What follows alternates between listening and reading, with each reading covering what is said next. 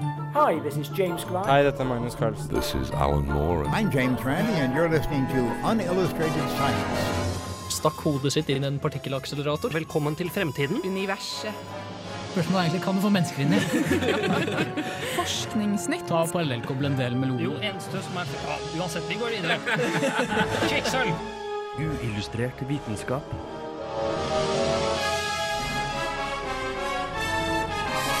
Science, it works, bitches.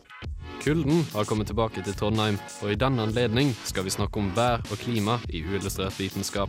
Da skal vi se litt på hvordan vi kan forhindre at jorden overopphetes av solen, hva i alle dager hypotermi er, og om man virkelig kan kjenne det på gikta. Hallo og hjertelig velkommen tilbake til nok en sending med Uillustrert vitenskap. Mitt navn er Andreas Haugland, og jeg skal lede dere gjennom denne ukes sending òg. Og med meg i studio i dag har jeg Håkon. Yep. Jeg har en Andreas. Hei, hei. Jeg har Martin. Hei! Og jeg har vår tekniker Mathias. God dag, god dag. Ja, eh, Vi skal som sagt snakke om eh, klima og vær eh, i denne sendingen. Og vi skal spekulere litt grann i eh, måter for å finne ut hvordan vi kan senke temperaturendringene, da, for å si det sånn. Ja. Ja. Uh, og det, det kommer jo gradvis utover sendingen. Uh, og så skal vi lære litt grann om forskjellige enheter for uh, lufttrykk eksempel, og temperaturer. Eh, ja. Og det er vel egentlig det. Ja. Det er jo egentlig en veldig aktuell sending fordi um, nå går det mot høstsesong, det blir kaldere, og vi har uh, en, en er ikke syklon, men en orkan i, um, på østkysten Ja, i staten. stemmer En veldig stor eh, orkan ved navn Matthew. Uh, så Matthew, ass. Matthew, Matthew. Typisk, ja. Hver gang. Ja. Alltid. Nei, men vi går videre. Uh, første låten i kveld, eller i dag, er OK Kaja av eh, Håkon.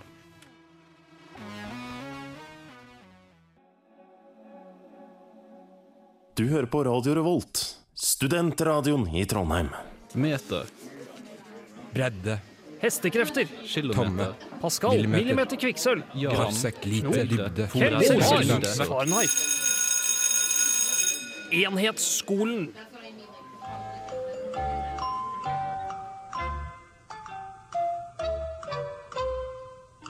Atmosfærestrykk, også kjent som lufttrykk, er trykket som kommer av vekta til ei søyle med luft over et område. Enheten som er vanligst til å bruke for å måle lufttrykk, er pascal, eller bar.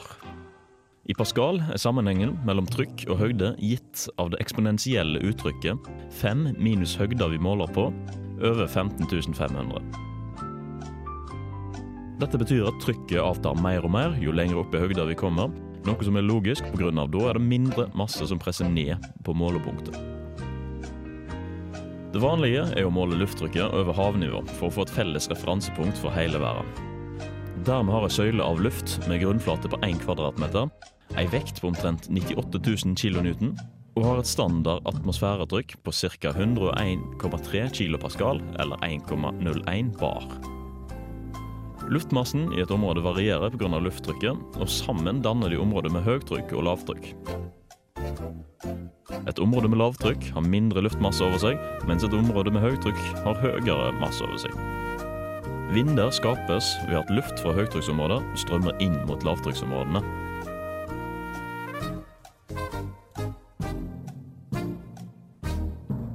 This is Alan Moore, and you're listening to Unillustrated Science.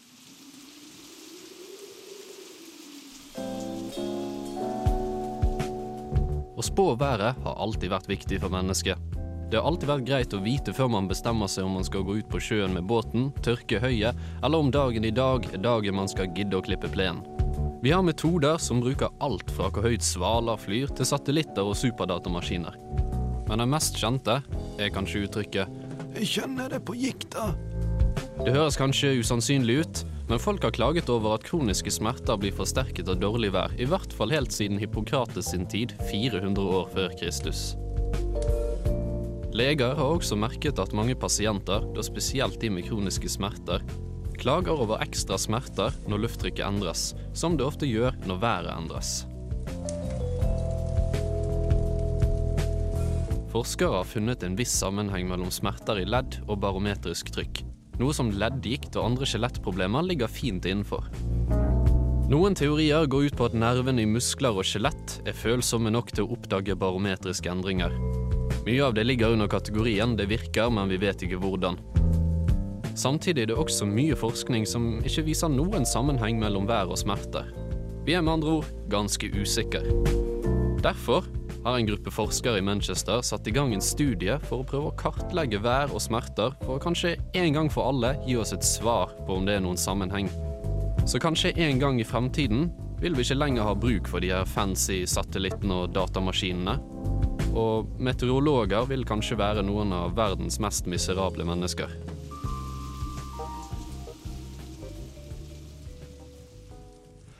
Ja, eh, jeg kan jo fortelle litt mer om den her eh, godeste eh, ja, studien som eh, nå ble gjort. Ja. Den heter 'Cloudy with a chance of pain'. Ah, Mm. Kreative forskere, altså. Ja, veldig passende. Den ble startet for ikke så lenge siden, og det er en smartphone-studie. Så alle kan delta på, så lenge de har kroniske smerter og bor i Storbritannia. Så eh, passer ikke helt for oss. Nei, nei, nei, for, men uh, det er jo som du sier, en tredjedel Eller hva var det, en tredjedel av nordmenn har kroniske smerter. Ja, visstnok. Så vi er jo på europatoppen når det gjelder kroniske smerter, så vi kan jo være de beste meteorologene i verden, hvis det slår ut som eh, Men, Men- sånne ja. trykkendringer, du snakket om det, ikke sant? At eh, man kjenner det på gikta når det er endringer i trykket. Ja, altså Ja. barometrisk ja, trykk. trykk, ja. Eh, Gjelder det også sånn, sånn trykkforskjeller på, på fjellet og sånne ting?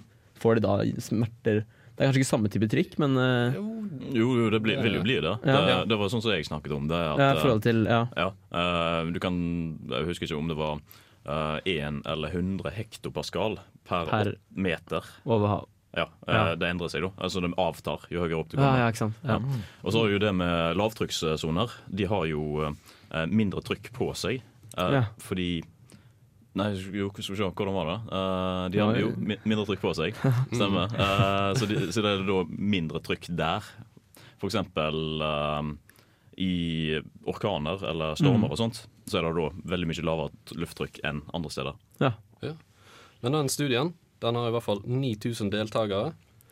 Og der skal de da legge inn daglig hvordan de føler seg, hvor mye smerter de har. Alt på en skala fra 1 til 5. Ja. Um, den er pågående, skal vare i 18 måneder. Og jeg har sett litt på dataen som er ute allerede, er fra for siste uken. Og da kan man finne de Ja, det er en ganske stor skala. Det ser ikke ut som det er den største sammenhengen akkurat nå.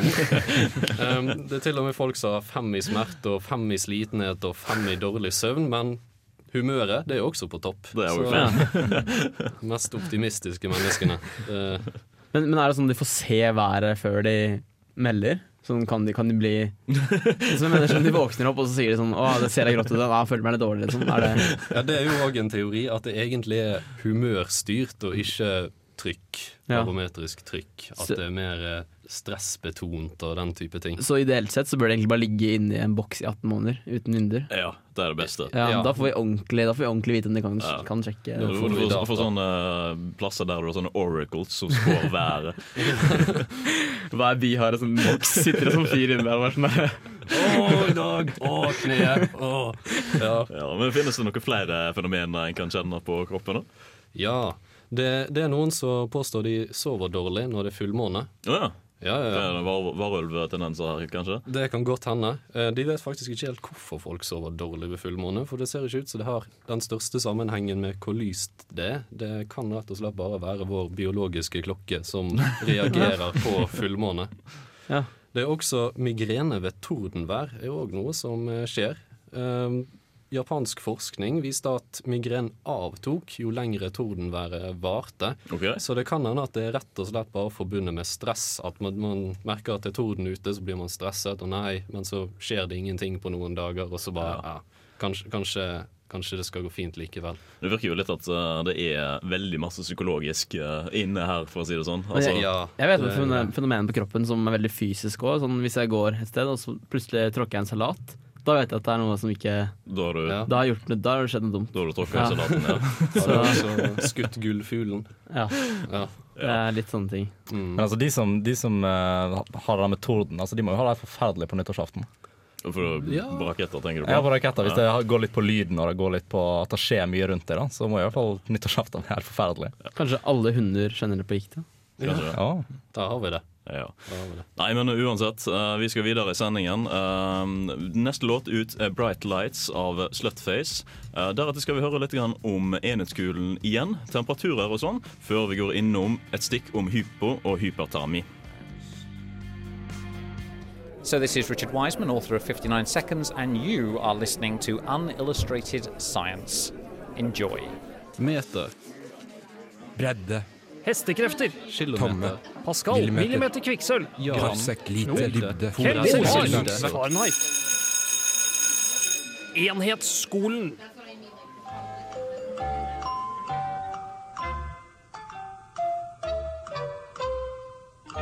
Vær er noe som alle har brukt som smalltalk-situasjon minst én gang i løpet av sitt liv, og i den sammenhengen er det ofte snakk om temperatur.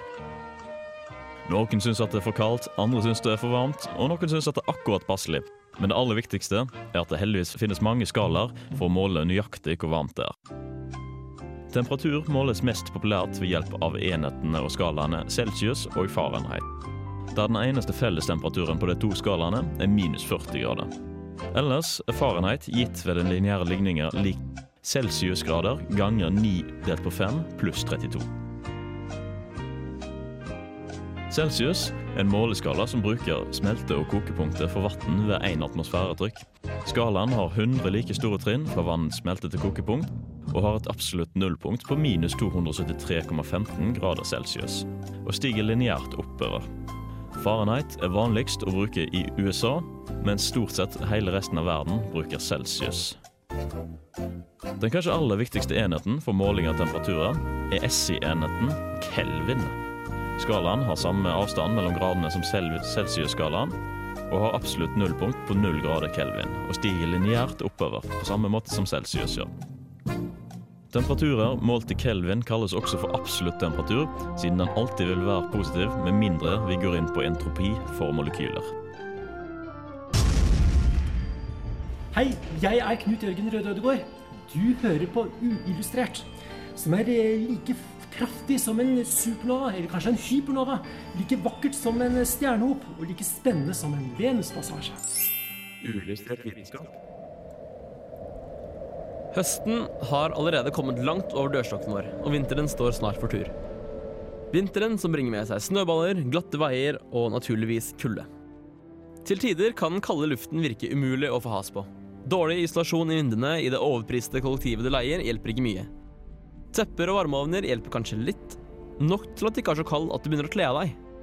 Er du nemlig så kald at du begynner å kle av deg, er du nok snart død. Hypotermi. En snikende død som tar livet av rundt 1500 amerikanere i året. Et tall som faktisk bare øker. Kroppen vår trives aller best med en kjernetemperatur på rundt 37 grader celsius. Men når den synker til under 35 grader, forekommer altså hypotermi. Man deler hypotermi opp i tre ulike alvorlighetsgrader. Fra 35 til 32 grader har man mild hypotermi. Da fryser man, klarer ikke å slappe av, og kroppen skjelver for å opprettholde varme. Finmotorikken samt gråmotorikken kan begynne å svikte. Moderat hypotermi forekommer fra 32 til 30 grader. I dette stadiet føler man seg sliten og trøtt. Huden begynner å få en blåtone, og pusten blir langsom. Siste stadiet skjer under 30 grader celsius, hvor man kan oppleve paradokse varmefølelser. Vitenskapelig forklares dette fenomenet ved at den delen i hjernen som styrer kjernetemperaturen vår, kalt hypotalamus, mister funksjonen sin og dermed sender feil signaler i kroppen. En annen teori er at musklene som holdt blodårene, gir slipp, noe som dermed sender en strøm av varmt blod ut i kroppen og gir personen en falsk følelse av å være overopphetet. Dermed kler personen av seg det de har på seg, noe som igjen fører til en raskere død. Men det er også viktig å ikke bli for varm. Da kan du nemlig oppleve det motsatte, kalt hypertermi. Hypertermi skiller seg fra feber ved at varmen i kroppen din kan nå temperaturer utenfor kroppens egen termoregulering. Hypertermi forekommer etter lang eksponering av varme omgivelser, typ 55 grader celsius i flere timer, noe som da gir personen et heteslag. Man kan også få hypertermi fra interne årsaker, forårsaket av uheldige bivirkninger til visse narkotiske stoffer, som antidepressiva og stimulanter som kokain, PCP, LSD, MDMA og amfetamin. Det vanligste er likevel ved heteslag, hvor personen kan virke forvirret, fiendtlig og i noen tilfeller beruset. Pulsen og åndedrettet vil øke når blodtrykket synker og kroppen prøver å opprettholde en normal blodsirkulasjon. Til slutt vil organene svikte, og du vil dø. Ikke særlig kult, egentlig. Moralen i innslaget. Bare hold deg innenfor den anbefalte kjernetemperaturen. Ikke driv og eksperimentere utenfor termoreguleringen vår. Ender som regel ganske dårlig. Keep it cool. Hjertelig velkommen tilbake til oss her i Illustrert vitenskap. Du hører på Radio Revolt. Ja, keep it cool, Håkan. Keep it cool. Jeg vet ikke om det er riktig sagt, for da vil du egentlig gå mot hypotermien. Men... Ja, det er jo litt feil. Det er jo, som, som du sier, hold deg innenfor Ja, uh, termodynamikkens lover. Man snakker litt om, sånn, litt om termoregulering der, og det er hvilken, hvilken Kroppen har på en, en, en, fastsatt grense den kan regulere seg innenfor. Sant? Fra rundt 35 til 40 er sånn det ligger, det, Da kan kroppen fungere. Ja. Men når du får hypertermi, så vil bare kroppen fortsette og fortsette, fortsette og nå et punkt hvor den ja, egentlig ikke helt vet hva, hva som skjer. Bare- noe, det er å, det er litt som å um, Simulere uten data. ja, ja, det var godt, veldig godt uh, Veldig godt eksempel.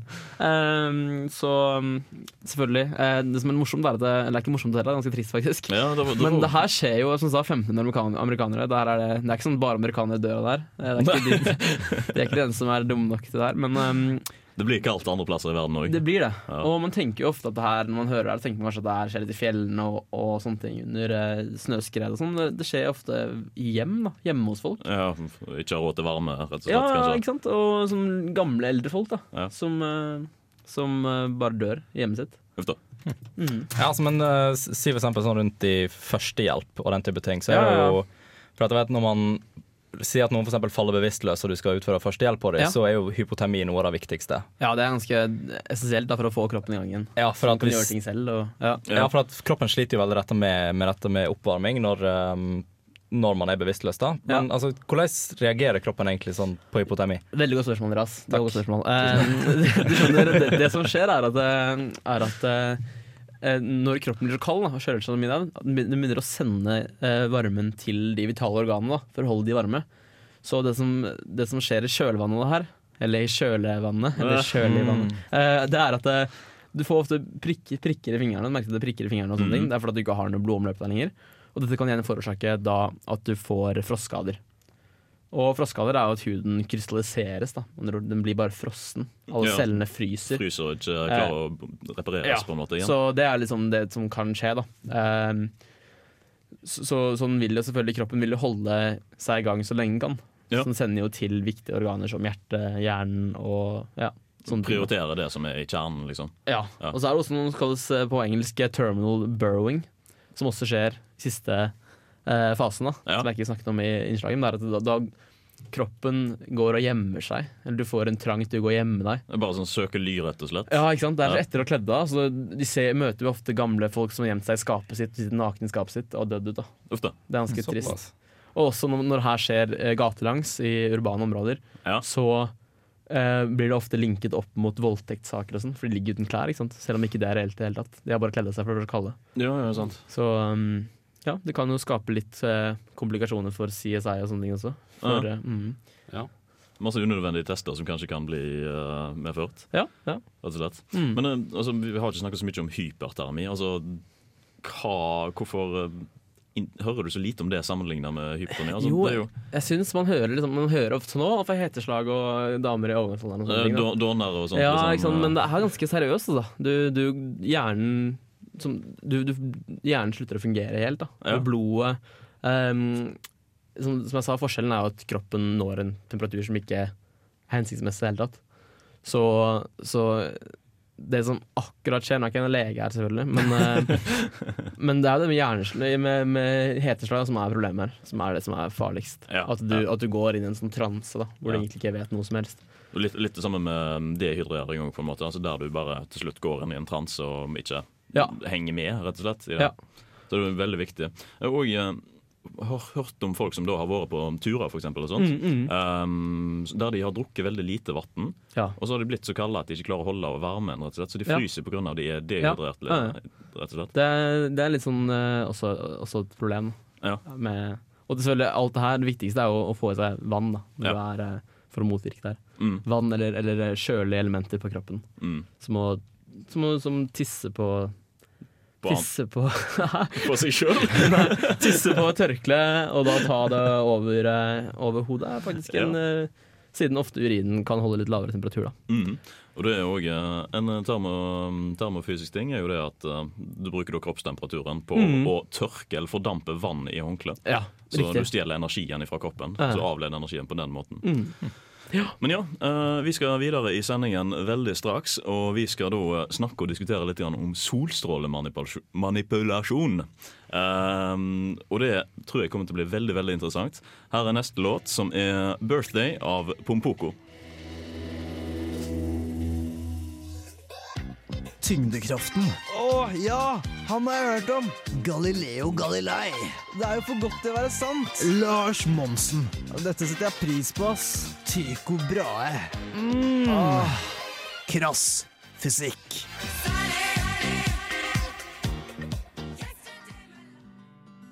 Jorda er et koselig sted å bo, men den kan bli litt varmt til tider, kanskje. Vi vet at global oppvarming er greia, og at studiet på dette starta rundt 1900. Vi merker at temperaturen på jordoverflaten økte sakte, men sikkert, og at FN sine rapporter viser at etter 1950 så var grunnen sannsynligvis drivhusgasser og ei økende mengde karbondioksid i atmosfæren vår. Men vi har kanskje funnet en løsning. Det er regna på at jordas overflate vil øke med 1,1 grad til 6,4 grader i løpet av de neste 100 årene. Siden det er sannsynlig at verden ikke klarer å roe ned utslippene sine til den tid, er det funnet en litt spennende løsning som heter solstrålemanipulasjon. Eller Solar Radiation Management. Solstrålemanipulasjon handler i bunn og grunn om å redusere tilgangen på det som varmer opp jorda vår mest, og det er sola vår. Det finnes fire forskjellige metoder for dette, og de er som følger. Aerosoler. Aerosoler er bitte små partikler som består av enten faste stoffer eller væske bundet sammen i en gass. Partiklene er på ca. 10-20 nanometer og kan sammenlignes med innholdet i en sprayboks. Disse partiklene absorberer og sprer ut sollys som faller veldig sakte mot jorda, og kan derfor slippes ut fra fly. Skyforbedring.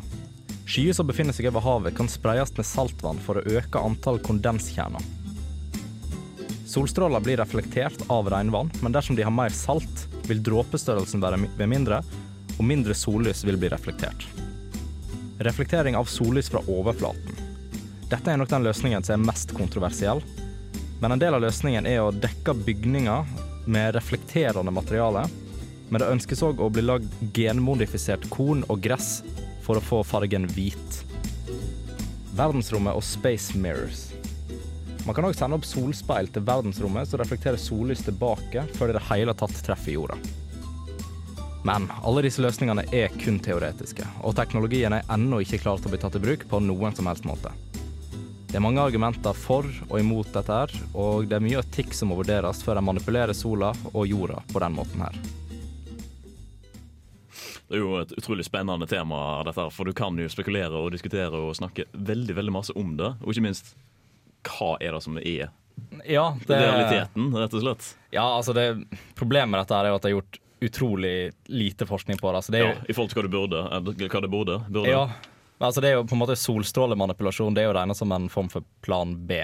Ja. Plan A er jo naturligvis Don't fuck it up. Don't fuck it up, altså Ro ned drivhusgassene. Ja. Altså få, fordi at um, Og så er det jo da at det er mye um, etiske spørsmål med dette. Altså Skal Mm. man leke Gud? Skal man holde på på den måten? Det er um, Ja, det, det altså, ja, det virker jo egentlig som at en er nødt til å leke Gud for å klare å stoppe alt sammen. Ja, det er jo litt sånn. Men altså Problemet er at folk har veldig forskjellige holdninger til dette her. Ja, og ve ve veldig varierende fra land til land òg. Ja. Men si, si for eksempel, eh, si for eksempel da med aerosoler. da. Altså mm, Kina for eksempel, de sliter jo allerede med aero, aerosol. det er ikke lett å snakke i dag. Uh, Aerosolforurensning, for at det er altfor mye av det i lufta. Eh, Der er det litt for mye av alt i lufta, egentlig, av eh, farlige ting. ja, egentlig. Men uh, en stor del av det, så du kan til og med se det på noen satellittbilder, at Det det faktisk er såpass, ja. tett. Wow. Det, så det, det er jo litt spennende, egentlig. Uh, men ja. Uh, sånn som for eksempel da å sprøyte inn altså saltvann i skyer. Ja. Det er jo kanskje en av de mest på å si, bærekraft, eller naturlige løsningene. da. Ja, jo, spørs det, men hvis du da har um, nedbøren over land, vil ikke det påvirke veldig masse? da? Saltvann, tenker jeg da. Altså regne saltvann. Men det er ikke så bra. Nei, det-? Jeg vet ikke, jeg, har ikke peiling på det her, men eh, Nei, nei, nei. det er fascinerende, fascinerende tanke. Hvordan er det du sprøyter inn saltvann i skyer òg, som får det til å ligge der? Det er, altså det er for meste å komme med fly på en måte over skyene, da, og så dropper det ned på Ja. Altså det er bare lekesky, da. Ja, så holder det seg eh, med vind og Ja, sånn oppe. Ja. Uh, for det gjøres jo òg med eh, det er et eller, annet, et eller annet stoff de tar i det for å få det til å regne over områder der det ikke skal regne. Det brukes jo allerede nå i, Mm. i dag, eller ikke så mye da, pga. det er litt farlige stoffer. Ja, riktig. Eh, men det er da et stoff som de strør over skyer, som får det til å regne. Mm. Mm. Ja, Men altså- ja, jeg hørt at amerikanerne de tok og forlenget monsunen i Vietnam under Vietnamkrigen for å stoppe nordvietnameserne. Fordi det ble så gjørmete da, når regnet varte lenger enn det det skulle. Ja. Så det går an. Nei, altså det også er det jo for eksempel Det er den jeg snakker om i saken min som på en måte var mest kontroversiell. da Det er jo det med Mm. genmanipulering. Ja, det er jo absolutt det mest kontroversielle. Og veldig spennende. Mest spennende. Mest spennende, Ja, egentlig. Ja. Men det er jo da at de har lyst til å få gresset og korn til å være hvitt. Bare slik at det Har en bedre refleksjon, da. Ja, altså på en måte simulere da en istideffekt. Ja, egentlig. Ja. Ja, så det er jo Det er jo en utrolig stilig tanke. Men hvordan hadde det vært å gå rundt med hvitt gress? Ja, for, for, det er for å reflektere Alle, alle, alle diktene og låtene som er skrevet om uh, gress er grønt. Og, Men er, det for, å- er det for å som, gjøre drivhuseffekten bedre? på en måte? Reflektere lyset bedre tilbake? Ja, det får reflektere sollyset tilbake, i større men, grad, Men, men- men fins det ikke noe spray som gjør det her uten å skade, skade, skade kornene? Sånn, du, vet, du husker den saken med, med elfenben, eller elefantene? Ja, ja, ja. Du sprayer de rosa.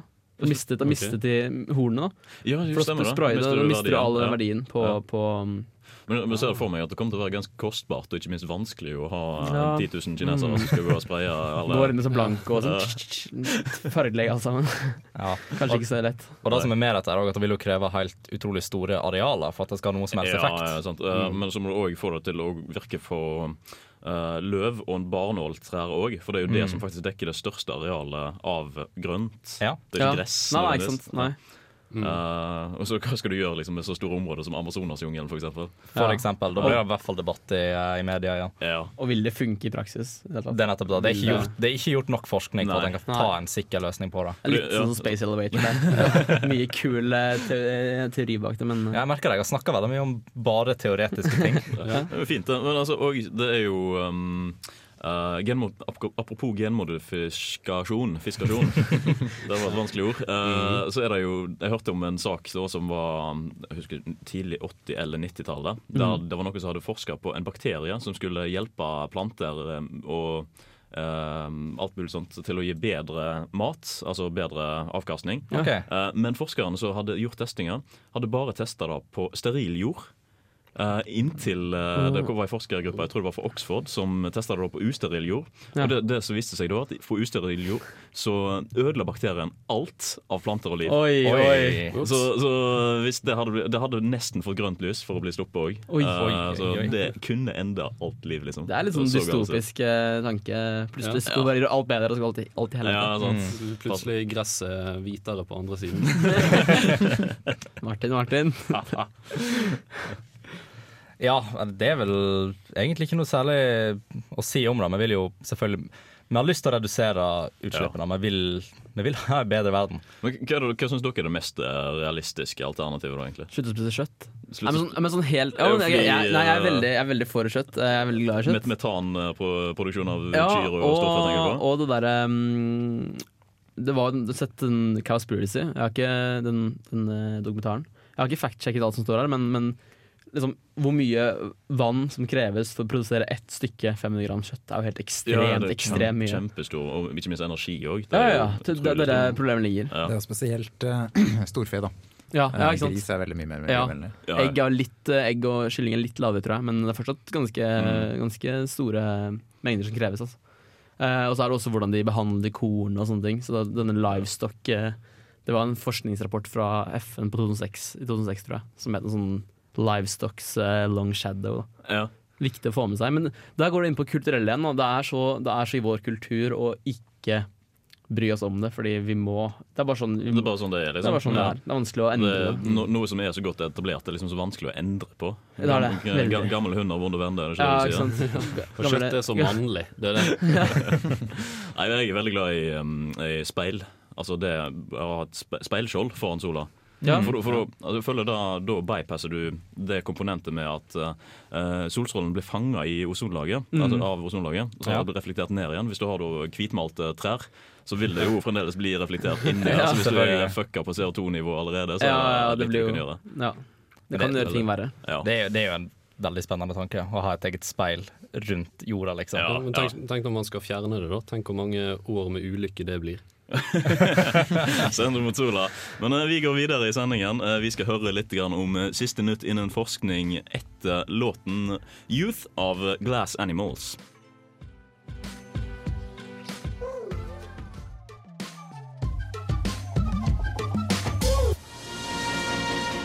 Uillustrert vitenskap presenterer Forskningsnytt.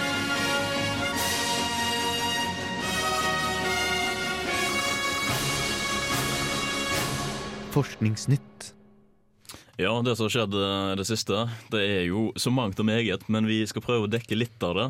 Litt av hvert, egentlig. Litt, litt av hvert, ja. De fant jo et 2000 år gammelt skjelett på et berømt skipsvrak eh, utenfor den greske øya Antikythera. 2000 år gammelt skjelett. Det er det eldste hva- de det har er det funnet. eldste de funnet, Eh, som ikke er fossilert? Altså, Ja, fordi ettersom det har ligget i havet. Ja. Eh, utfør den første DNA-analysen av, Ja. et, av et eh, gammelt lik fra havet. Og det er ganske interessant, da. Det er jo ganske Eh, kult. og veld, det er veldig godt bevarte knokler her, da.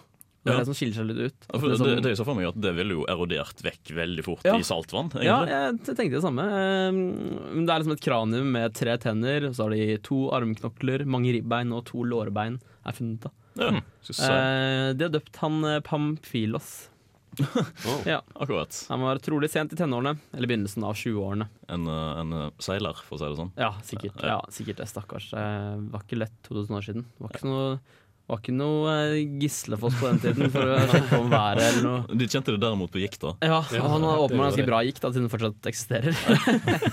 Men ja. Var han alene på da, eller? Ja, det er et godt spørsmål. Det, Nei, sikkert ikke. Nei, jeg tror ikke det. Men kanskje han, kanskje han hadde veldig god, god godt Han, skjelett. veldig, eh, han drakk masse melk. Masse melk. Ja, Masse melk.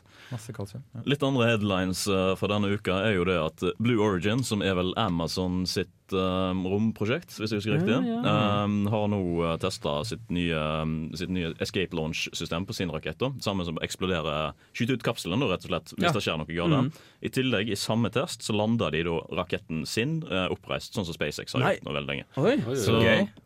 eh, De har tidligere hatt en landing der de har gjort det da, men forskjellen på SpaceX og um, Blue Origin er det Ja. at uh, SpaceX flyr ut, eh, helt opp, Ja. uh, mens opp, ja, helt opp. eh, ut, i, ut av atmosfæren, så det heter Ja. fint. eh, Ja. Mens eh, Blue Origin har- er det som kalles for low orbit. Å ja, altså, okay. Så det er ikke så eh, avansert, på en Nei, måte. Den holder seg litt uh... Uh, andre headlines er det at uh, uh, eh, At eh, ja, experimental eh, drugs for eh, å fjerne hiv har resultert til faktisk suksess hos en 44 år gammel mann. Ah. Spørs jo da hvorvidt dette kan brukes videre. Ja. Eh, vi går videre med neste låt, som er 'Period Piece' av Jenny Wahl.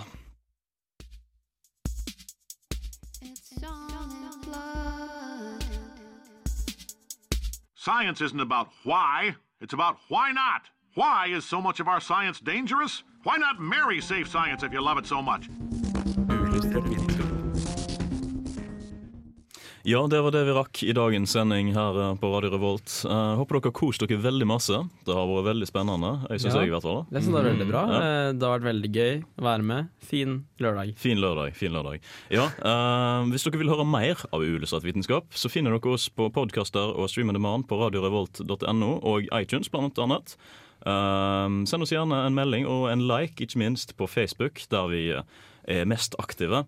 Eh, og vi tar gjerne imot spørsmål ifra dere, hvis det er noe dere vil at vi skal snakke om. Mm. Uh, mitt navn har vært Andreas Haugland. Jeg har ledet dere gjennom sendingen i dag. Og jeg har hatt med meg Håkon, Andreas, Yes. Martin, Mathias, som òg har vært vår tekniker for dagens sending. Takk skal du ha.